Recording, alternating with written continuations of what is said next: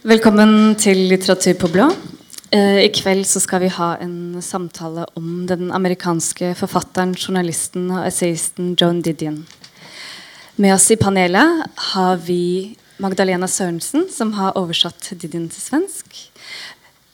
Karin Haugen, som er litteraturviter og redaktør for Bokmagasinet i Klassekampen. Og samtalen ledes av Hedda Lingås Fossum, tidligere redaksjonsmedlem i Litteratur på blå og redaktør i tidsskriftet Fett. Samtalen vil vare i omtrent én time, og så vil det være muligheter for å stille spørsmål. God fornøyelse. Ja, hei alle sammen. Eh, hyggelig å se at noen har tatt turen hit i, i regnværet. Um, I kveld skal det også handle om uh, Joan Didion. Ja, nå advarte paneldeltakerne i stad at man skulle snakke rett til mikrofonen, så gjør jeg det ikke selv, men nå, nå hører dere. Um, og mens jeg satt og leste meg opp til uh, uh, John Didion-arrangementet, uh, så tenkte kom jeg hele tiden til å tenke på noen linjer av den amerikanske poeten Elizabeth Bishop. det er kanskje hennes mest kjente dikt. the One Art. The art of losing isn't hard to master. So many things seemed filled with the intent to be lost, skriver hun. Uh, og det kunne nesten vært en sånn epigraf for John Didions forfatterskap noen ganger også. Uh, nesten overrasket hvis ingen har brukt det som, som en tittel på noe. men det er en av tingene vi skal snakke litt om i denne samtalen. jeg, Hvordan Didion liksom sporer ulike forestillinger og erfaringer om tap, både personlig og, og politisk samfunnsmessig i USA.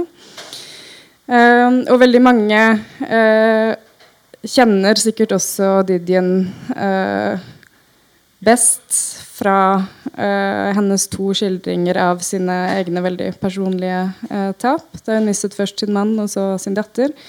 I sorgmemoarene, som noen kaller dem. 'De magiske tankers år' og 'Blå kvelder'. Blant hennes mest kjente utgivelser.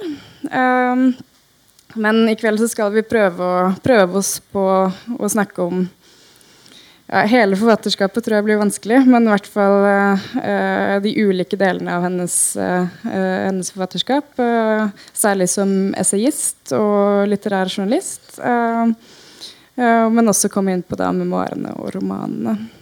men apropos første møter, så hadde jeg lyst til å spørre dere to Hva var deres første møte med Joan Didion?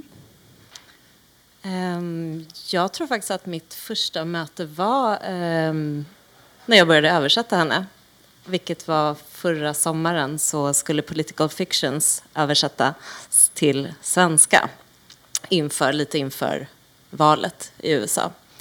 Och eh, jag och en översättarkollega i Stockholm, Sverige, fick eh, uppdraget att översätta politiska fiktioner eh, tillsammans. Vi delade upp essäerna eh, tillbringade sommaren med Joan Didion. Så det var, jag tror inte jag hade läst särskilt mycket eh, av henne innan, kanske liksom snuttar här och där. Men jag hade ingen riktig relation till henne eller hennes författarskap. Utan det var, det var, jag upptäckte henne i arbetet med att överföra henne till svenska.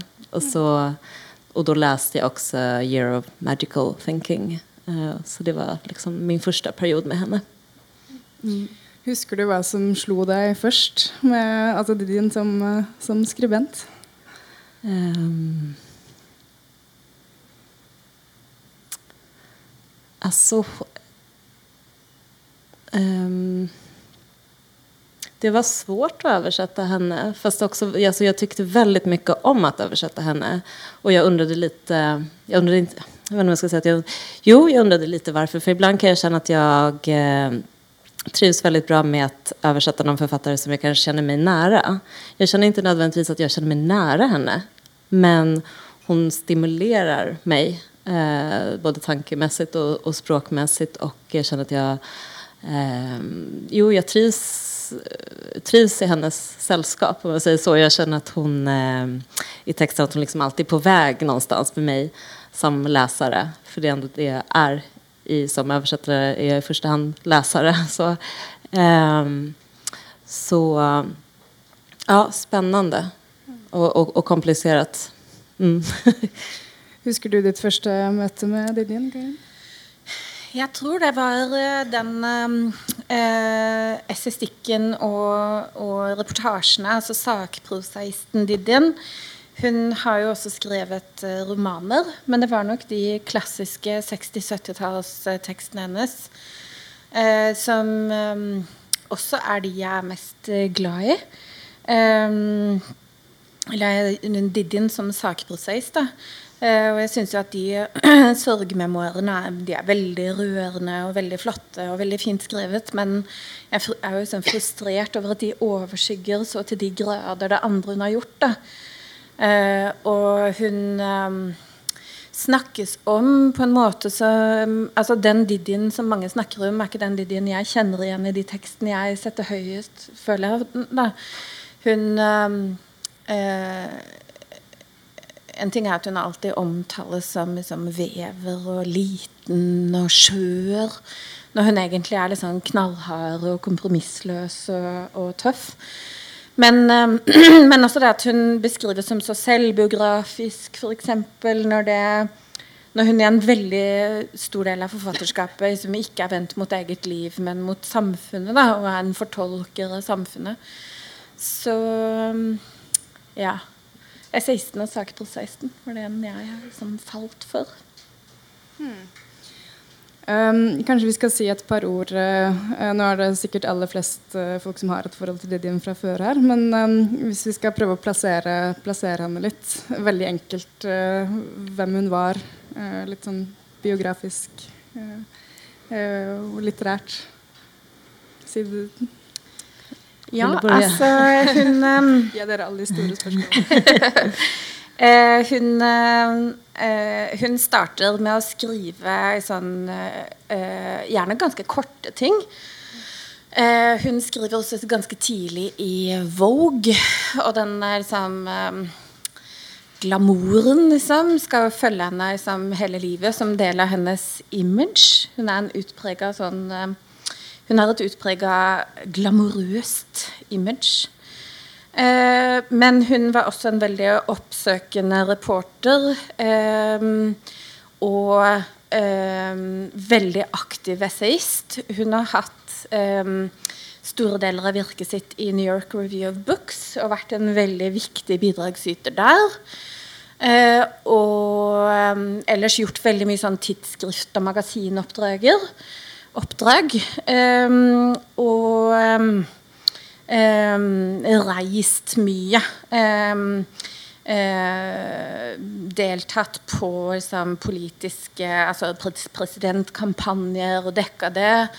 Hun har også en uh, bok om det liksom, voldelige eksilkubanske miljøet i Florida som heter Miami. Hun har en egen bok som heter 'Salvador', om uh, det like voldelige El Salvador. Uh, så hun har eh, ja, vært en ganske oppsøkende journalist og essayist. Som også ofte har liksom ramma tidsånden og fortolka tidsånden og kritisert tidsånden. Ja. Mm. Jeg la merke til Det kom en biografi for et uh, par år siden som jeg riktignok bare har lest introduksjonen av, men hvor hun beskrives Det gjør kanskje alle det blir skrevet biografi om, men det blir beskrevet som 'a powerful voice for my generation', skriver uh, uh, forfatteren. Og at hun har et, a reputation as a public pulse taker. At hun tok liksom, pulsen på sin, sin generasjon. Um, så kan det gå an å si noe an, om hva slags generasjon det var. Eller hva, hva eventuelt image er. Jeg lurer litt selv også, for det er så generelle fraser. Ja, jeg har litt svårt for å, å sammenfatte liksom den mm. har, har, du noen tanker der? Ja, altså, I hvert fall når det gjelder det med tids, uh, tidsånden, da, så, så, er hun uh, Hun er hele forfatterskapet igjennom så er hun veldig opptatt av det amerikanske. Hun er opptatt av hvem er vi, hvordan har vi blitt sånn, uh, hva slags historier er det vi forteller om oss selv, eh, hva slags selvforståelse har vi, hvilke myter er det vi holder oss med. Hun er opptatt av det amerikanske landskapet, eh, men også liksom, det mytologiske eh, landskapet, det politiske landskapet. Og veldig opptatt av California, eh, som hun skriver om hvor hun kommer fra. Da. Hun skriver om det i veldig mange essays, og har også skrevet en hel bok om det som heter 'Where I Was From', som er en veldig, veldig fin bok. Men, øh, men det hun gjør, da, er at hun øh, øh, ser kritisk på den amerikanske fremferden og selvforståelsen, og stiller seg gjerne utenfor det hun skildrer. Så hun er ikke opptatt av å liksom være en sånn insider som er in the know. Hun er mer opptatt av å kritisere og avsløre det hun skriver om. Og hun, og, hun, skriver veldig avslørende og ganske nådeløst. Mm. Uh, og avkler liksom alle hun kommer i kontakt med. Så man vil, liksom, man vil ikke befinne seg i et, et Didion-essay. Mm. og det skal vi komme, komme litt tilbake til. Uh, men først tenkte jeg for uh, hennes, Det er vel hennes siste utgivelse, som du akkurat har oversett uh, til svensk. Mm. uh, heter South and West, som Karen også har skrevet om. Um, ikke, den, var ikke rukket å komme fra trykkeriet før du kom hit. Um, men hva slags, hva slags, bok er det? Hva handler den Det er en bok som består av to, deler. To anteckningsböcker kan man si. Eh, som, som båda är reseanteckningar. Den första, den första delen är skriven 1970 när hon åker till, eh, till Södern och tillbringar en månad där. Eh, den första veckan är hon i New Orleans och eh, ser och hör diverse saker som hon antecknar. Och sen så åker hon på en roadtrip runt i massa små, små städer, eller inte ens städer ibland. Det är första delen av boken och sen så är det en kortare del i slutet som är från 1976 när hon åkte till San Francisco för att bevaka Paddy Hearst-rättegången. Men som hon beskriver det börjar undersöka sin egen eh, föreställning skulle jag säga och minnen från Kalifornien. Mm. Ungefär så skulle jag beskriva boken kortfattat. Mm. Jeg lurte på, Kanskje uh, du kunne lest litt fra, fra, den oversettelsen? Så kan vi få en liten sånn intro til Lidjen, uh, hvordan hun skriver i samme slengen? Ja, jag tänkte läsa första sidan bara eh, i anteckningarna från Södern när hon kommer till New Orleans, eller hon, hon, är, hon är i New Orleans och någonting som jag, jag kanske inte ska säga för mycket, men i alla fall att jag, jag tänker att det är, det är, hon är också en skönlitterär författare. Hon har skrivit fem romaner. Och eh, att det här, här, känns hon liksom, det här, det, jag tänker att apropå journalistik, det här skulle lika gärna kunna vara, en, eller kanske hellre, en början till en roman kanske. Ja, jag läser. New Orleans. I juni är luften i New Orleans tung av sex och död inte våldsam död, utan död genom förfall, röta, förruttnelse. Död genom drunkning, kvävning, feber av okänd orsak. Det är fysiskt mörkt, mörkt som negativet till ett fotografi, mörkt som en röntgenbild. Atmosfären absorberar sitt eget ljus. Ljuset reflekteras aldrig utan sugs upp och får olika föremål att avge ett makabert sken. Kryptorna ovan jord dominerar vissa vyer. Den hypnotiskt flytande atmosfären får all rörelse att sakta ner till koreografi. Människorna ute på gatorna rör sig som om de fångats i en förrädisk emulsion och det tycks endast vara en teknisk skillnad mellan levande och döda. En eftermiddag såg jag en kvinna dö... Oj. Tack, lite dramatiska effekter där. Eh, ja. eh, en eftermiddag såg jag en kvinna dö på St. Charles Avenue. Hon föll ihop över ratten i sin bil. Död, konstaterade en äldre kvinna som stod bredvid mig på trottoaren, bara någon decimeter från det ställe där bilen hade slirat in i ett träd. När ambulansen kom följde jag efter den gamla kvinnan genom det vattniga ljuset i garaget på Pontchartrain Hotel och in till kaféet. Dödsfallet hade verkat allvarligt men ändå vardagligt. Som om det hade inträffat i en förkolombiansk stad där döden var väntad och i långa loppet inte hade någon större betydelse. Um, og som du sier, Det er noe veldig litterært over disse, uh, disse beskrivelsene. Og Didjen er veldig kjent som, ja, som en litterær uh, journalist. Uh, går det an å si, si, litt mer om altså, hva er det som preger hennes stil, synes dere, altså når hun skriver disse reportasjene og essayene sine? Altså, jeg tycker at hun ofte hun hon, har, hun har jo en veldig um, ibland hon kan bli väldigt retorisk och upp, upprepa saker till exempel. Hon har en väldigt skarp, tydlig prosa tycker jag. Kan vara väldigt kortfattad också. Men som vi sa, så till exempel politiska fiktioner, där är det väldigt kompakt mm. eh, sakprosa. Mm.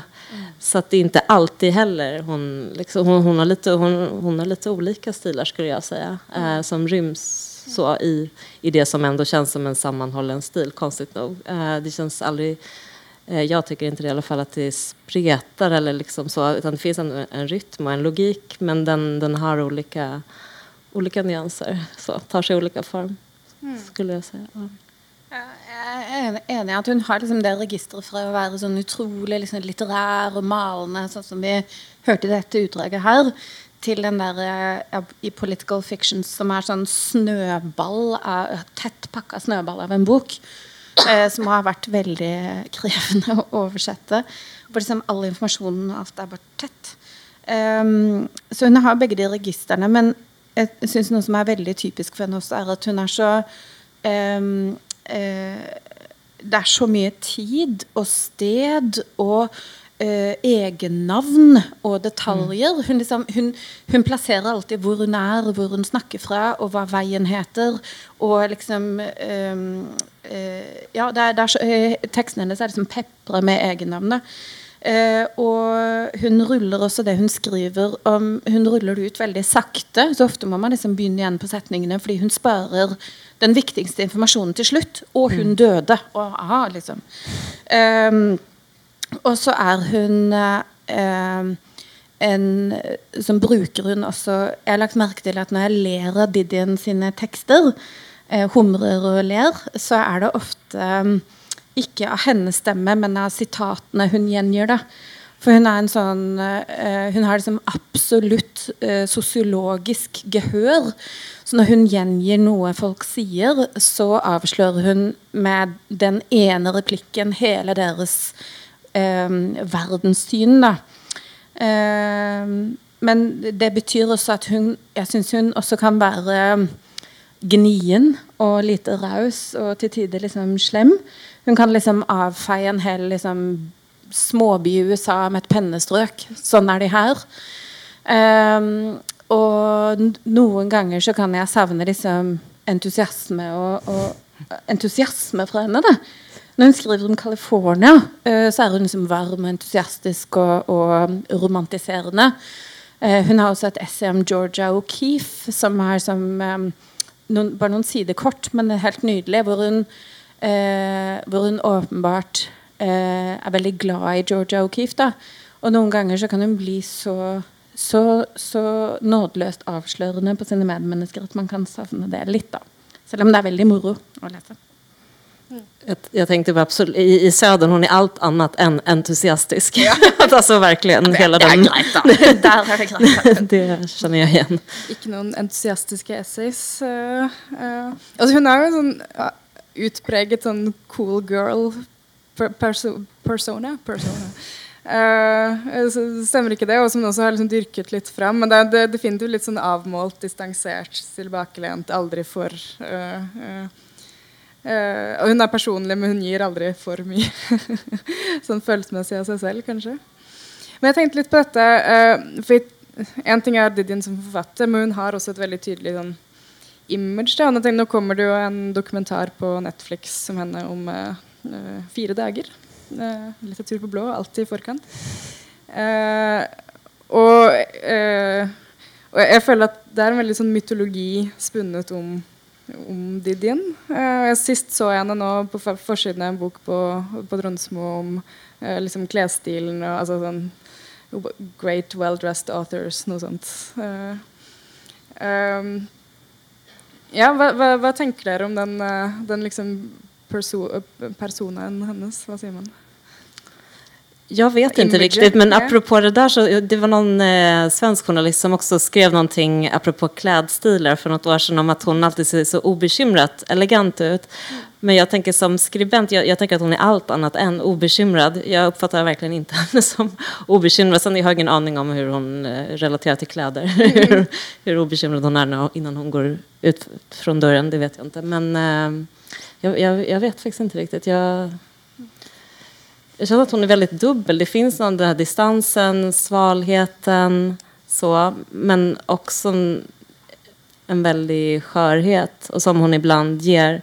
Liksom, hon ger ju, jag tänker medvetet det, hon skriver ju om det ibland, ibland bara ger en liten mening.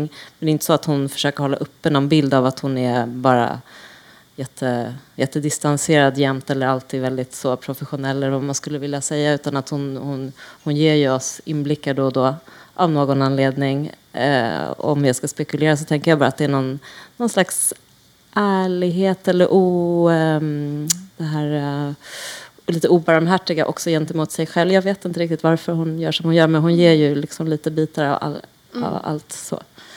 Jeg er veldig enig i at det er en stor kontrast mellom liksom, hennes visuelle fremtoning og hvordan hun er i skrift. Fordi i skrift så skriver hun gjerne om hvordan hun faller fra hverandre, føler hun ikke har fotfeste, at hun ikke, Hvor hører jeg hjemme? Hva holder jeg på med?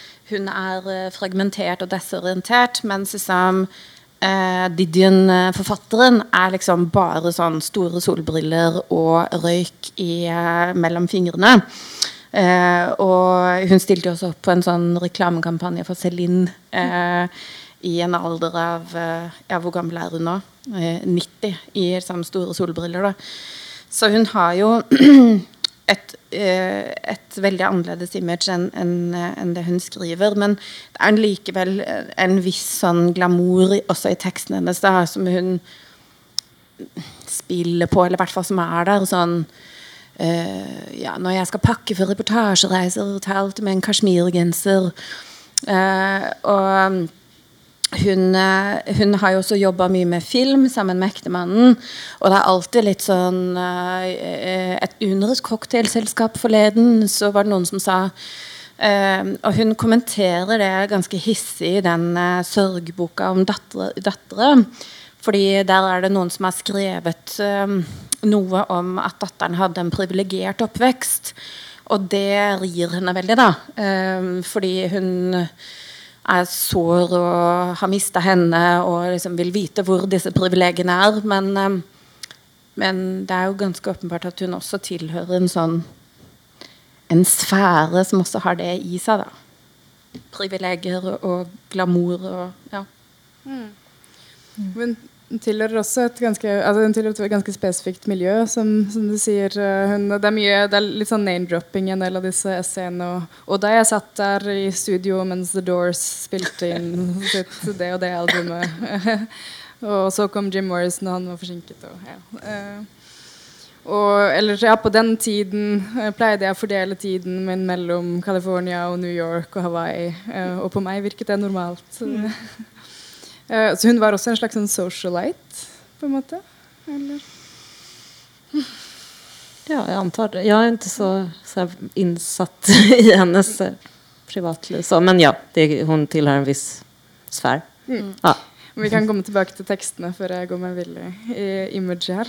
Um, siden vi nå var inne på South and West, uh, så altså Vesten og California særlig uh, spiller jo en veldig utpreget rolle i hele uh, i, Eller mange av, av hennes uh, bøker. Og litt sånn rød tråd i forfatterskapet.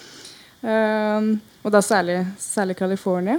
kan vi si noe om altså, hva, ja, Hvilken rolle spiller California i bøkene til Joan Didion? Hva, hva betyr California? Altså, det er jo hennes hjem. Och det är också så hon avslutar den boken jag precis översatt, eh, västdelen, så är det ett litet jättefint stycke om att det är där hon känner sig bekväm, det är där eh, namnen på jag kommer ihåg, floder och så låter rätt i hennes öron. Det hon ser ser rätt ut. Det är hemma helt enkelt. Så um, det, det, är hemma men också, och, och, därför kanske detta stora behov intresse av att ta reda på vad är det? Mm. Vad, vad var Kalifornien jag växte upp i? Vad är det nu?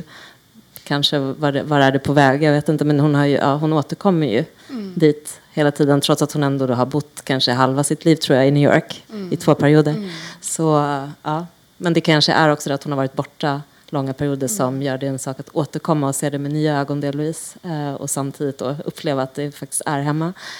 Så ett, en stor, en central plats skulle jag säga att Kalifornien har. Mm. Sen så är det ju att hon är uppväxt i norra, i, i Sacramento och sen flyttat till LA. Mm. Och jag tror, jag har inte läst så mycket som hon har skrivit om det, men att det är ju, jag tror att hon ser en väldigt stor skillnad mellan de två platserna också. Och så ställer dem mot varandra. Men hon kanske skrivit mindre, men hon har skrivit om det. Mm. Kommer ikke ihåg klart. ja, jeg er enig. Og så er det på den ene sida så er hun veldig opptatt av det faktiske, fysiske California, som er Hun er veldig søt. I flere tekster så er hun opptatt av liksom vannverk og ledninger og vanningssystemer og vannmengder og trafikkmaskiner. Og hun oppsøker liksom ingeniører, og hun kommer inn på kontrollrom og sånn nerder på California på en helt utrolig måte. da. Eh, hva er det som får transportårene til å fungere? Hva er det som får ørkenen til å blomstre? Så hun er veldig opptatt av det, det, det faktiske fysiske landskapet og vilkårene der. Men samtidig så er jo liksom, det, er ikke et, det er ikke et hvilket som helst slags sted å komme fra heller. For det er um, eh, så myteomspunnet og en så stor og viktig del av den amerikanske historien med eh, eh, forestillingen om at vi skal eh, bryte vestover. Vi har en manifest destiny om at vi skal erobre land, og vi skal uh, Eh, eh, utvide vestover, og pionerene, da. Eh, som Didin sier et sted, så er, blir California altså noe helt eget i den amerikanske bevisstheten fordi man innser at this is where we run out of continent. Um, men hun, hun, bruker også veldig de eh, Altså de pionermytene og de liksom um, eh, hvordan California ble settled. Hvor det er ganske mange dramatiske historier, og hvor historien også blir i veldig stor grad fordreid da, eh, til en, en eh, ja, heltehistorie. Ja, som selvfølgelig også usynliggjør de som var der før dem. Det var jo ikke tomt land de kom til. Hmm. Eh, og jeg tenkte Uh, I en av hennes mest kjente bøker, uh, uh, 'Slouching Towards Bethlehem', at vi kunne snakke litt om det. Det var vel hennes første ordentlige essaybok. 1968. Mm. Ja. For der spiller jo altså Det første, første essayet som heter 'Some Dreamers of the Golden Dream', handler om Lucille Miller, men som like mye handler om California og, og Vesten, føler jeg. Uh, men ja, hva slags, uh, hva slags bok er uh, 'Slouching Towards Bethlehem'? Jeg tror du har lest den mer inngående enn hva jeg har. Ja, så den uh, Det er en av de store klassikerne hennes. Da, ved siden av The White Album så er det på en måte der hvor jeg ville anbefalt alle å, å starte. Uh, og uh, ja, der har du på en måte alle gjennomgangstemaene hennes. Du har personlige tekster, uh, og du har um, California-tekster, og du har politiske tekster. Og sånn, kjernen i boka, og på en måte en sånn kjerne ved Didiens forfatterskap eller stil, er også det tittelessayet som heter 'Slouching Towards Bethlehem'. Eh, som hun skrev eh, I 1967 så dro hun til San Francisco for å eh, Hun visste ikke helt hva hun ville, men hun dro dit som en sånn vag uro, bare. Eksistensiell vag uro, og, men ville se nærmere på liksom, hippiene og de unge folka som drev og samla seg der. Eh, og mm, så henger hun veldig masse rundt sammen med dem og snakker med dem og besøker dem. Og oppholder seg veldig lenge mm, der. Og så munner det ut i en eh, flengende kritikk av den kulturen og av eh, hele kulturen i USA, USA som nasjon og offentligheten der. Eh, og eh, det, det, er interessant fordi den hippiebevegelsen den er så lett å, å sånn romantisere. Den er så lett å se på, som en sånn antibørgerlig oppgjør og frihetstrang og liksom, masse spennende som skjedde. Og i hennes fremstilling så møter du mest eh, purunge folk som er ganske dumme. Eh, og som bare er i fri flyt på en åpen sjø, og som har fått alle båndene til samfunnet rundt seg kutta. Um, så det er en tekst som liksom bare dirrer, da, for at hun, hun synes dette er en tragedie. Dette er ungdom som er så unge at de nesten er barn. De rømmer hjemmefra. Det er en epidemi av eh, barn som rømmer hjemmefra.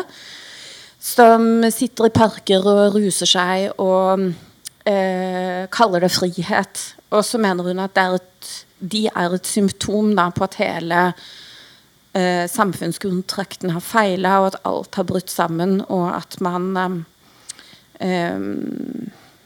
ikke har tilbudt dem det de burde blitt tilbudt. Da. Ja. Og hun sier, det jeg minst starkast är också att hon påpekar att de har inget språk. De har mm. ikke språket. Mm. og så lenge man ikke har det så mm. kommer man ingen vart i princip. Mm. Ja. Ja. Mm, ja, altså det innledes også Tittelen er jo hentet fra, fra Yates sitt, uh, sitt, dikt. Og det innledes også det essayet med altså, 'The center was not holding'. Altså fra 'The center will not hold'. Jeg husker ikke akkurat. Og avsluttes med en anekdote om uh, hvor hun da besøker et av disse uh, hippiekollektivene. Og så sier de noe sånt som at ja, se, hun femåringen som sitter der, hun er on acid. Mm. sier de. En femåring på acid. Og at det liksom er sånn kult og, mm. kult og groovy. Og det blir litt sånn det ultimate uh, forfallet. da. Mm. Men det er litt interessant. Vil dere kalt altså Er Didion en konservativ forfatter? Er hun konservativ i den, sine liksom, vurderinger av disse bevegelsene? Ja, jeg syns hun veldig ofte er det, men på, uh, i liksom beste forstand. Da. Men, og hun begynte jo faktisk som republikaner. Uh, og gikk over til å bli demokrat, men også en av demokratenes sterkeste kritikere. Men, uh, men hun er veldig konservativ. og og er veldig sjelden der hvor du tror hun skal være politisk. hun er vel uh, altså veldig selvstendig. Veldig lite forutsigbar, vil jeg vel si. Mm. Jeg tenker også, men jeg tenker samtidig at hun det gjør hun, eller, at hun hon ibland, mm. vad hun? hun Hon Jo men så, liksom mor, moral, någon slags till exempel sexmoral, där kan hon liksom vara, så där hon, kan uppleva inte att hon är konservativ utan gärna driver med någon slags moralpanik. Mm så runt sex eller om det är runt religion. Typ, där, där känner jag inte att hon är konservativ. Men jag håller med ibland. Så, så mm. ja, som vanligt är hon inte så lätt att kategorisera. Mm. Så. Um, men en av tingene som hun er inne på både i, i 'Slouching Towards Bethlehem' og flere av essaysamlingene sine, og som vi også er litt inne på når vi diskuterer da, hennes syn på, på disse bevegelsene, handler jo om historier. Uh, også et av de aller mest kjente uh, Didion-sitatene uh, er jo 'We tell each other stories in order to live'. noe sånt. Men det har en ganske egen betydning for, for, henne. Det blir kanskje ikke alltid sitert på denne måten hun, hun mente det. hva, er, for, hva er Didiens syn på historier? Det jeg tenker fremst på det der sitatet, er um för det we, we tell our, the stories we tell ourselves mm. In order to live. Att uh, hon uh, ofta uppehåller sig vid um, vet, uh, självbedrägeri, uh, self-delusion. Så att, eh, att och det, det är ju någonting som ibland plockar fram eh, när hon själv har, har pysslat med det. Eller när samhället gör det. Eller när eh, politiker gör det. Om det så är man själv eller gentemot andra. Ofta hänger det kanske ihop. Så att det, mm, att det kan finnas i det citatet.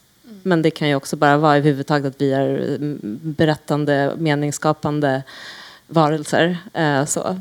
Men och det, jag antar att det är så man ofta liksom, det, man placerar citatet när man vill säga någonting sånt. Men jag, jag, jag, kan, jag vet inte exakt när hon skrev det första gången, i vilket sammanhang hon använde det själv till, till en början. Men jag vet att hon är, hon är ofta inne på det här självbedrägeriet och faran i det och samtidigt också pratar om self-pity. Mm. Hur man nu säger det på norska, det vet jag inte. Men ja, självömkan. Mm. Uh, ja, det er self-pity. Nå kommer jeg ikke på det selv. Selvmedlidenhet. Selvmedlidenhet, ja. Uh, nå fant du det der uh, Det var fra The White Album, det som var en essaysamling som kom i 79. Uh, jeg kan jo lese det litt for kontekst, kanskje. Altså, hun skriver We tell ourselves stories in order to live. We look for the sermon in the suicide, for the social or moral lessons in the murder of five. We interpret what we see, select the most workable of the multiple choices. We live entirely, especially if we are writers, by the imposition of a narrative line upon disparate, disparate images, by the ideas which we have learned to freeze, the shifting, okay, phantasmagoria, which is our actual experience. Uh, og da tenker jeg vi er inne på uh, noe ganske sentralt, eller som går igjen i, i mange av hennes bøker. Uh, disse tankene om, om, de narrativene vi, vi, lager for oss selv. Uh, vil du si noe om det? Ja, jeg er veldig enig. Altså, på, på, en måte så Og jeg er enig i det du sier om self-delusion også. Men altså, på en måte så, så sier hun vi forteller uh, oss selv historier for å kunne leve i en sånn Um, nesten trøstende forstand. Uh, fordi hun er veldig tydelig i veldig mange tekster på at hun trenger å føle seg som del av et større fellesskap. Hun trenger å føle seg som del av en større fortelling. Um, uh, og at hun leter etter det. Uh, og at det er noe man uansett gjør, sånn som det står i sitatet du leste.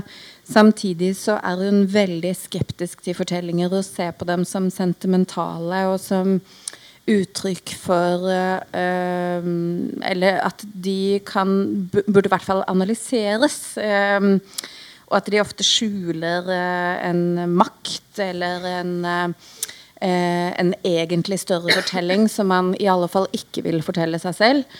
Et eksempel som er en tekst jeg syns er ut, utrolig god, som, um, som sto i New York Review of Books opprinnelig. Den står i en samling som heter After Henry. Og handler om en eh, hendelse som ble kjempestor i uh, USA, som var The Central Park Jogger, som var en dame som ble voldtatt. Og så var det en gjeng svarte gutter som ble mistenkt for det og fengsla for det, som viste seg selvfølgelig å være uskyldige. Eh, men det ble en sånn voldsom eh, eh oppstandelse rundt hendelsen. Det var en utrolig grov voldtekt, og hun ble veldig hardt mishandla. Hun døde nesten. Men Didion skriver om det på en veldig interessant måte, fordi hun interesserer seg for den offentlige oppstandelsen rundt saken. Hun ser Hun eh, hun gjør ikke liksom, smerten og, og offerets opplevelser mindre på noen måte. Men hun spør seg hvorfor hele New York plutselig griper denne damas historie så begjærlig. For det gjør offentligheten, da. Eh, og det Didion kommer frem til, er at man eh, man eh, trenger en historie om kriminalitet for å fortrenge en enda verre historie som går på uh, uforsonlige uh, motsetninger i byen, som går på uløselige klasseskiller, som går på en mye større økonomisk og politisk usikkerhet som folk ikke takler. Så det eneste man klarer å snakke om, er økende kriminalitet. Uh, og det snakker folk om på en veldig rar måte. For så tar de til orde for at det må gå an å jogge i Central Park til alle døgnets tider uten å bli overfalt. Og da sier Didien at det er en temmelig Hun sier veldig tørt at det er en temmelig ny forestilling. Um, så, så, hun spør hele tiden hvorfor har vi denne fortellingen, hva får vi ut av dette, og hva er det eh, som ligger bak eh, disse historiene vi forteller oss selv. da. Det, for det essayet heter 'Sentimental uh, Journeys'. Mm. Uh, og hun bruker begrepet altså sentimentalisering mm. uh, om, om, dette fenomenet. At, at denne joggerhistorien er en av, en av historiene som blir liksom, i den store offentligheten sentimentalisert, på en måte. Og, mm. spiller en, og blir liksom en slags kitsch, kanskje. Nesten. hun har et sitat fra, fra en avis på, på, den tiden, i 1990. Eh, eh, hvor noen skriver da, ganske følelsesladet at denne historien is about more than the rape and brutalization of a single woman. It's about the rape and brutalization of a city. Så det blir virkelig gjort sånn, behandlet i media som en slags sånn emblematisk for hele byen og samfunnstilstanden og sier mye interessant. Da.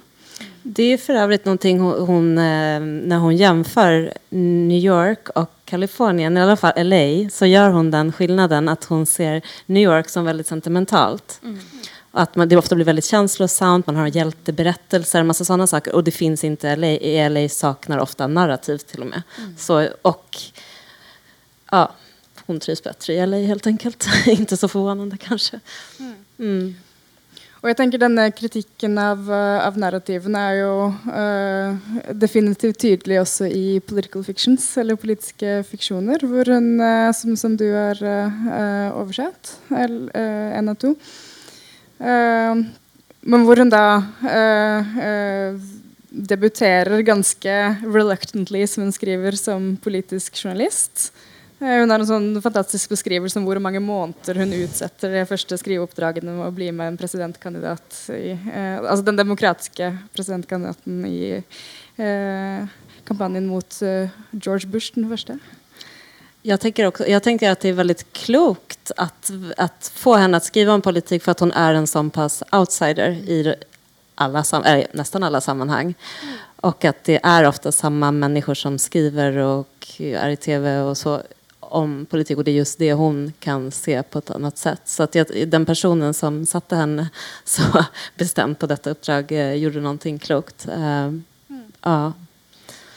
Og hvordan tilnærmer hun seg da disse presidentkampanjene? og uh, hun, hun, følger i political fictions. Hva er det hun uh, prøver å liksom sirkle inn eller avsløre, uh, mener du?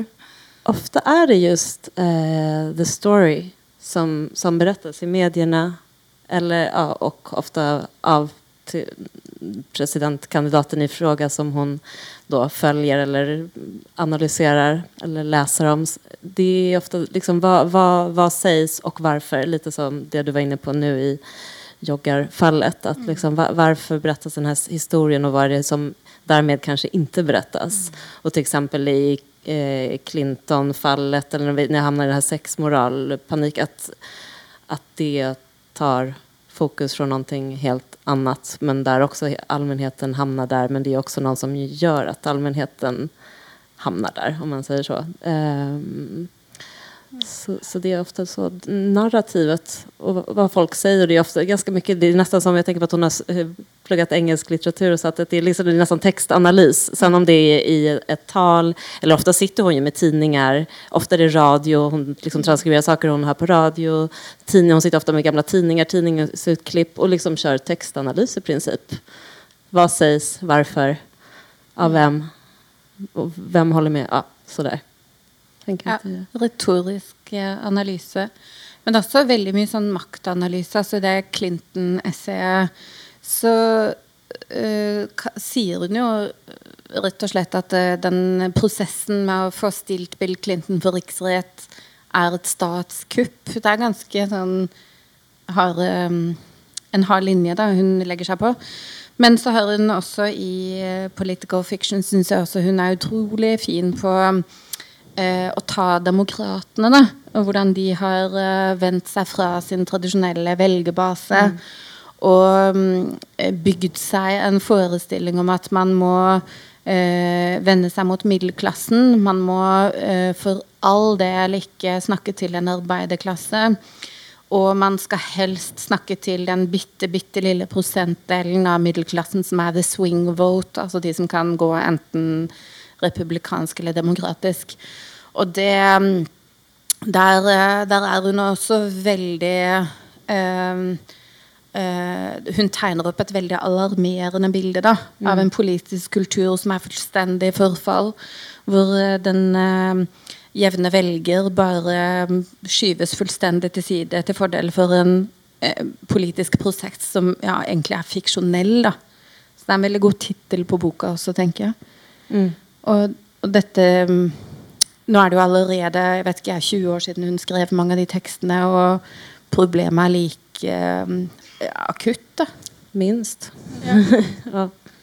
Og da den kom ut i, uh, i, Sverige i fjor, så var det vel også litt i forbindelse med, med valget. Og jeg, jeg, har sett at flere av anmeldelsene i svensk presse umiddelbart har knyttet uh, til visse tendenser i, uh, i fjorårets presidentvalgkamp. Er det noe i Political Fictions Joan Didion avslører som kan forklare oss noe, som en av overskriftene på anmeldelsen sier, forklare oss noe om Trump? frøet til Trumps framgang ble sådd på Bill Clintons tid. står det en Alltså, jeg, jeg tenker at det altså, igjen, berättelsen om honom og hur den kablas ut og går hjem liksom, hos många, vissa väljare. Att det, det är precis det hon till exempel skriver om. Och sen finns det mycket mer att säga. Men mm. om man gör det enkelt så mm så er det jo og, det. Og, demokratenes liksom mm. Altså at de kunne demmet opp for han på en helt annen måte hvis de hadde hatt en annen politikk. Mm. Hun beskriver jo også en, altså at denne politiske klassen har laget sitt eget språk og uh, snakker om politikk og har en helt annen forståelse av politikk av det, enn det hun, hun mener den jevne amerikaner gjør. Mm. Og at de tiden, de, uh, alle insiderne i politikken refererer hele tiden til the process, altså den politiske prosessen. Uh, og liksom tall og statistikk og meningsmålinger og, og, mister på en måte flere og flere, mener Didion, av ja, nå sier hun ja uh, They were not talking about Americans at large. They did not know Americans at large. They occasionally heard from one in a focus group or during the Q&A after a lecture date, but their attention, since it was focused on the political process, which had come to represent the concerns not of the country at large, but of the organized pressure groups, osv., osv. Mm. At de, ikke, de kjenner ikke lenger til, uh, til USA, på en måte. Og de vil ikke lenger ha dem engang. De vil, de, vil, de vil, bare ha the swing voters.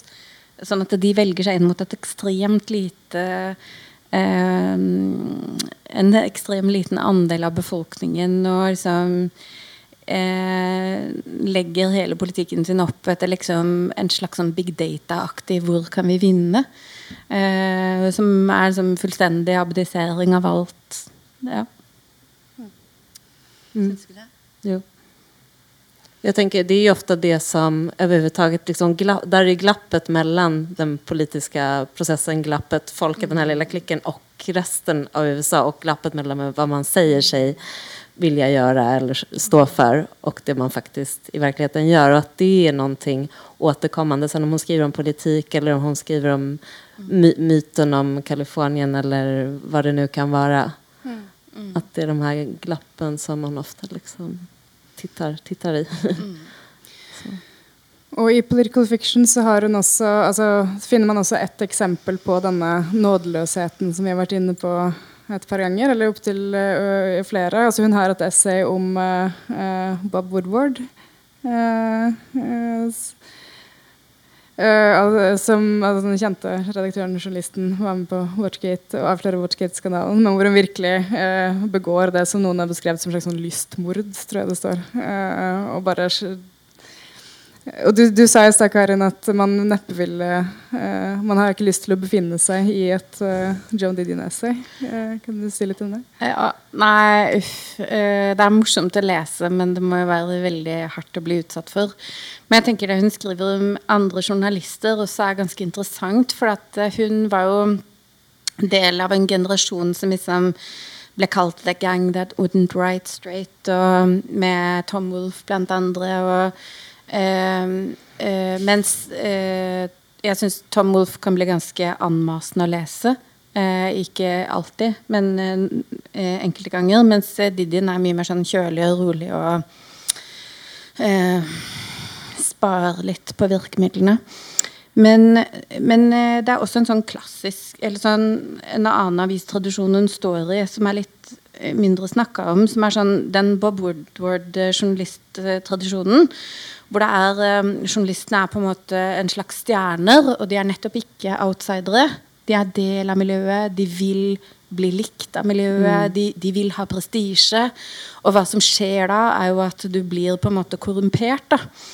Eh, mens eh, eh, hun selv holder frem som en sånn slags journalistisk poetikk et ideal fra Los Angeles Times, hvor eh, journalistene fikk frie tøyler til å skrive veldig lange saker, og hvor de også brukte veldig mye den talende detaljen som alle visste om, men som ingen eh, Altså som alle de eh, insiderne visste om, men som ingen brukte, som ingen sa, som ingen formulerte. Mens de ble kjent da for å si det høyt og komme ut med det. Og det er en um, um, Det er noe hun bruker selv med veldig stort hell. da gjør, noe som gjør henne mer selvstendig. Mm. Og um, ja, Ikke så mye oppfølgingsspørsmål til det. Nå hadde jeg litt sånn eget spor i, i hodet. Men apropos uh, uh, folk og bevegelser som, uh, som blir utsatt for en sånn slakt av Joan Didion, så var jeg jo litt overrasket over å finne leste nylig Hun har et essay fra 60-tallet om kvinnebevegelsen blant annet, og feminisme. Som også går ganske hardt utover. Hun var ikke noen uh, Hun identifiserte seg ikke med feministbevegelsen. Den har ikke jeg lest, så jeg vil gjerne høre hva, hva ni har lest her. ja, det er ganske morsom lesning også, men man blir litt Altså uh, er, Det er nedsabling. Ja, lyst, et slags lystmord, kan man kanskje si. Men Um, uh, ja, det er da essayet 'The Women's Movement', som er fra The White Album. Og der um, uh, kommer hun med en kritikk av feminismen som er at den har blitt, uh, den har blitt livsfjern. da. Den har bare den fjerneste berøring med de faktiske utfordringene ved det å være en kvinne, skriver hun. Uh, og på en måte så minner kritikken hennes meg litt om Paglia, som er en annen uh, mildt sagt kontroversiell feminist. Uh, fordi et av Didiens poenger er at man ikke tar inn over seg de biologiske kjensgjerningene og grinsene og utfordringene som ligger i det å være kvinne. Hun skriver om 'the dark involvement with blood and birth and death'. Um, men hvor man hele tida uh, forsøker å vri seg unna noen ubehagelige kjensgjerninger, og heller igjen da lene seg på noen mer behagelige historier. Og resultatet, mener hun, er at uh, feminismen på en måte er med på å produsere ganske umodne kvinner. Uh, hun kaller dem evige tenåringer, og hun har noen ganske slående sitater som er Eh, eh, kvinner som har blitt intervjua som sier at de skal frigjøre seg og leve livet. Og det de vil, er at de leter etter fun og romance i The Big Apple. Og Didion sier at det disse kvinnene gjør, er jo bare bytte ut ett sett med drømmer med noen andre. Eh, de, de drømmer kanskje ikke om mann og ektefelle i forstedene, men de beholder nøyaktig det samme mønsteret. Eh, bare nå i en litt mer sånn artig tapning. Da. Og det, mm, det er en ganske drepende kritikk, men jeg syns den er eh, veldig tankevekkende og eh, veldig verdt å ta alvorlig. Og så tar den opp i seg et annet tema som er en, eh, som, eh, som hun er opptatt av absolutt hele tida, og det er umodenhet. Eh, hun skriver at jeg tror min generasjon er den siste generasjonen som identifiserer seg med voksne. Og hun, uh, hun blir um, eh, hun blir veldig opprørt over umodenhet, og hun ser tegn på umodenhet, og at umodenhet feires, og at umodenhet produseres liksom, overalt i sin egen kultur. Da. Nå ser jeg etter hvert uh, vi må nærme oss uh, en, uh, en, avslutning, men litt før vi kommer helt dit For nå har vi snakket oss gjennom litt av essayene og den politiske kritikken og sånn, men det er jo tross alt altså Særlig kanskje de personlige essayene og aller mest disse sorgbøkene som, som har liksom nådd ut til aller flest. da. Så kanskje til slutt kanskje vi kan snakke litt om hva det er med, uh, med Didien som uh, Når hun skriver personlig, uh, som taler til så mange. Uh, oh, jeg må tenke litt. um, ja eh, Hun er jo Nå har vi jo sagt at hun er hard og nådeløs og alt det der. Men hun er jo også veldig deilig å lese. Hun er behagelig å lese. Hun har et veldig presist språk, og hun eh, eh, Hun får deg til å liksom, innse ting, og det er liksom opplivende å lese henne. Som du, du begynte med å si, at du blir liksom oppløfta og, og liksom stimulert av å lese henne. Og det blir man faktisk. Eh, også når hun skriver om eh, Også i sorgbøkene. Eh, fordi man føler at hun tar noe som egentlig er ehm, eh, vondt og umulig å takle, og setter det inn i en ehm, ehm, ja, en større sammenheng. Som, så hun er en veldig god stemme å lese. Hun, hun er virkelig det. Ja, jag, jag, tänker just att hon inte blir eh, sentimental och inte, inte fastnar mm. i saker utan hon är fortfarande väldigt precis eh, och försöker se det, det liksom större och, och vilket då kanske är ofta hennes eget det narrativ hon har levt med hittills. Till exempel någonstans vet att hon själv... Jag tänker på i boken om hennes dotter att hon också pratar om sin egen ålderdom. Mm. Att hon, såklart har man vetat att hon kommer bli äldre mm.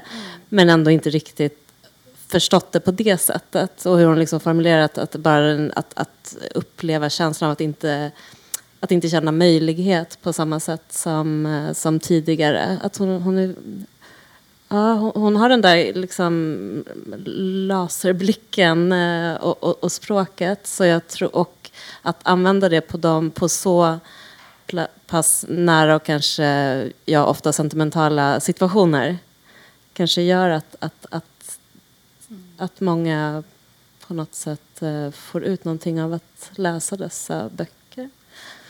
Uh, så. Ja, sist så det, det, kan virke som hun har gjort litt comeback som sånn uh, selvhjelpsforfatter, til og med. Eller det vil si, jeg ser en del uh, sitater fra noen av hennes essays, f.eks. dette om self-respect. Mye på Tumblr og sånn. Uh, og at hun har noen tanker om selvbedrag og selv, eller selvinnsikt, da, som kanskje taler til, til mange. Mm. Uh, jeg beklager, nå har vi snart uh, Vi har brukt opp nesten all tiden. Er det noe dere vil si sånn, til slutt, som er helt siste betraktninger? Mm. Um. Nej, jeg kommer inte på noe spesielt. Vi kan jo åpne, vi kan la publikum uh, komme til ordet med noen spørsmål. Ja. Uh, uh, er det noen som vil stille spørsmål til panelet? Kan du gjerne komme fram hit og ta det i mikrofon, kanskje?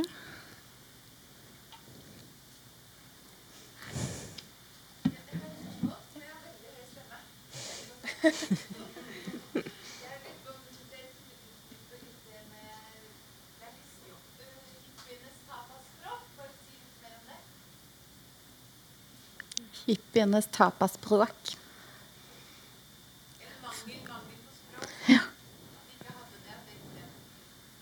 Ja, jag tror inte att hon utvecklade det resonemanget själv, utan att hon, att hon bara, eh, som jag minns det, att hon bara säger de liksom inte har utvecklat något ordentligt språkresonemang och därmed är liksom ikke inte är redo eller har verktygen att, jag vet inte om det, att hon säger att de ska göra någon typ av, inte revolution eller så, men att liksom ha någon slags rörelse, att ha någon, nått kom, komme noen hvert. Ja, og det så tror jeg det henger jeg sammen med at, de er så, at hun ser dem som så avskåret fra samfunnet og fellesskapet og kulturen.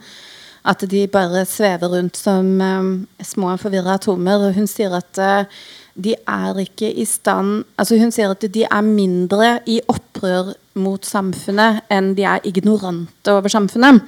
Og at de bare er i stand til å formulere samfunnets eh, den kritikken av samfunnet som samfunnet er mest åpen på selv. Eh, Vietnamkrigen, The Bomb, Diet Pills. Det er den eneste kritikken de klarer å komme med. Den kritikken som på en måte allerede finnes og eh, trives i storsamfunnet. Eh, og, og, det mener hun henger sammen med da, at de, de, mangler språk. De har ikke mulighet til å ha språk, og de venter bare på at språk skal liksom bli gitt til dem av storsamfunnet. Men ingen har kommet inn og fortalt at dette er samfunnskontrakten. Eh, og så gjengir hun jo også hvordan de snakker. Det er jo eh, eh, Hun spør noen da hvorfor rømte dere hjemmefra. My parents said I had to go to church. Um, yeah, your mother, your mother was kind of a bummer. Uh, my mother was just a genuine all-American bitch. Og så sier han liksom, ja, fortell, fortell om liksom, pliktene du hadde hjemme. Ja, for example, I had chores. eh, og så fniser de da og sier at dette blir et vilt år. Um, så um, Ja. Lite opprør og mye som fortapte barn. Liksom. Och jag tänker att just att det är, så, det är uh, ofta är känslostyrt, det som man ofta vänder sig mot överhuvudtaget. När, när någonting är, det är liksom utifrån känslor man agerar eller resonerar. Hon vill ha no, någonting annat måste vara utgångspunkten eller finnas resonemang eller ja, så. Så jag tänker att det är en del av den kritiken. Hun er også et litt sånn altså, privilegiekritisk blikk, som man kan kalle det. Altså, hun besøker noen sånne amerikanske campuser som har, altså, hvor studentene lager revolusjon. Eh, og på en måte beskriver litt sånn hvite egentlig, sånn, øvre middelklassestudenter som, som egentlig ikke har noe å tape. Da. Hun sier at de eneste, eh, altså, de eneste som er seriøse aktivister her, er de svarte studentene. Uh, fordi For dem så står det noe på spill, men for på en måte veldig mange så er dette en slags sånn distraksjon eller det er ideer uten på en måte noen uh, forankring i uh, Altså De kan på en måte plukke og mikse og uh, bytte i og prøve på ideer som et kostyme uten at de liksom taper noe verken materielt eller ja, no, noe sånt på det. da. og det føler jeg også er litt det som går igjen i, i dette jeg ser om, om kvinnebevegelsen også. At kritikk av en slags sånn ren altså av ideologi uten uh, veldig mye forankring, som du snakket om i det liksom, altså i hverdagslivet, men også i liksom, det materielle. Da. Mm. Andre spørsmål? Vi, ja.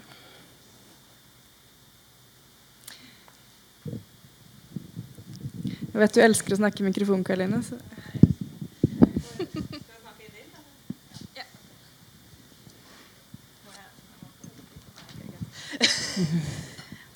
Nei, altså spørsmålet mitt altså, det, det, peker egentlig litt utover Didien. Så, men det handler også om det essayet 'Slouching Towards Bethlehem'. Og også dette med spøk, som har blitt påpekt flere ganger. Uh, fordi da jeg leste det uh, igjen for ikke så lenge siden, så tenkte jeg jo veldig på at jeg syns hennes beskrivelse av en bevegelse med veldig mange store ord uten innhold, eller veldig mange fraser, minte meg veldig om en type uh, Altså den, den, type campusaktivisme som ofte blir skutt ned som politisk korrekt uh, i USA nå. Som handler om en sånn type Hva skal man si? Altså når man begynner å snakke om, om uh, diskriminering og, og, og altså, Jeg skal ikke si krenkelse, eller jo, jeg gjorde det nettopp. Men, uh, nei, men altså, den, den, typen aktivisme som, som, skjer nå, som jeg syns ofte Jeg syns ofte debatten om det blir veldig polarisert. Og så har jeg liksom tenkt på hvem som kunne vært en Didin for vår tid som kunne skrevet om dette og avsløre på en sånn måte som hun gjør, uten å havne i motsatt grøft og si at alt er liksom bare forfall og tull. fordi det syns jeg jo hun gjør i det essayet at hun, hun er veldig, veldig kritisk til, disse, til denne bevegelsen, men samtidig så er hun jo ikke altså hun, hun, ser jo også at de barna eller de ungdommene som er der, prøver på noe, men de bare får det ikke til. Og det er ikke deres skyld i utgangspunktet, men det er et samfunn som er gått uh, skeis. Så det er egentlig bare lurt på om dere har noen ideer om Fins det noen arvtakere, eller fins det noen folk som kunne skjært igjennom sånn som hun gjør i den teksten i, i, i dagens uh, eh, PK-debatt, eller hva, hva, man skal kalle det, i dagens USA, kanskje? eller hvor som helst? Vanskelig spørsmål. Har du noen ideer? Nei. Altså Kanskje Rebekka Solnit uh, er jo en sånn aktivistisk, analytisk, fin stemme. Mm, ja Men kanskje også mm. Nei, jeg vet ikke om jeg kommer på så mange arvetakere. Men jeg tenker kanskje også at man kan holde opp eh, sjangeren som en sånn eh, eh, mulighet. For altså, vi snakka om The Gang Wouldn't Write Straight. Og Tom Wolff eh, gikk jo inn med brask og bram og erklærte The Novel Dead, The New Journalism Triumphant. Og han skrev f.eks. Radical Chick, som er en helt sånn fantastisk morsom bok om eh, folk på Upper West Side som arrangerer sånne in, inntektsbringende parties for Black Panther Party. Eh, med gnisninger oppstår, for å si det sånn. Eh, men han har gått over til å eh, bare skrive romaner. Og han har en eh, roman som heter I Am Charlotte Simmons, hvor han har gjort masse research på campus eh, som en liksom eldgammel mann. Um, og portretterer liksom en universitetskultur som bare er så hedonistisk og så marinert i fyll og drit som du kan tenke deg. Men så skriver han da en roman om det, istedenfor å skrive liksom uh, dette, da. Uh, så uh, i liksom vår romandominerte litterære verden så kan man kanskje i alle fall tenke på sjangerens muligheter. Jeg tenkte litt på det du sa i stad også. Du sa at han, mye av det hun skriver, er, eller det din skriver, er så preget av disse observasjonene. Uh, og det liksom det partikulære. da. Hun kaller seg selv nesten en sånn empiricist, tror jeg. på et tidspunkt. At hun unngår konsekvens liksom de store, altså, de store begrepene og ordene og holder seg til på en måte litt mer sånn low-key beskrivelser av Insisterer på de beskrivelsene av, uh, av virkeligheten, da, hvis man skal, samtidig som hun er kritisk til narrativene vi plasserer ja, Jeg tenker på den, den, eh, den, eh, teksten 'Why I Write', som egentlig var et foredrag, der hun beskriver eh. Og, og, der står noen og prater om de her store ideene, man kan tenke også begreppen. Og hun, hennes blikk, hun tittar på noe løv der utenfor, eller ser ljuset. Sånn at, at, at, hennes blikk ofte havner der. Og jeg tenker at det, at, at det har noen altså, Og at hennes skrivende kommer fra et behov av å forstå og da kanskje förstå, förstå var, ja, kanskje ikke varför ljuset ser ut som det gjør, men liksom at, at det gjør at hun har det der også hele tiden distansen til de her store rörelserna, og sen om det er politiske partier, samhället, hva det nu kan være att hon har ett seende som liksom går någon, an, någon annanstans och, och, och, står där och ser också in på dessa stora saker. Att det, ja, vad vi pratar om nu får mig att tänka på det eller när hon förklarar varför hon överhuvudtaget skriver. Det är en väldigt fin text. tycker jag. Den, den säger mycket om, om hennes blick och att den är väldigt kopplad till bild. Att det är oftast en bild det börjar med och att hon behöver förstå den bilden och att grammatiken finns i bilden Hun behøver bare få syn på den, og dit måtte hun skrive seg. Absolut. Uh, vi kan ta et spørsmål til, hvis noen har flere har noe på hjertet.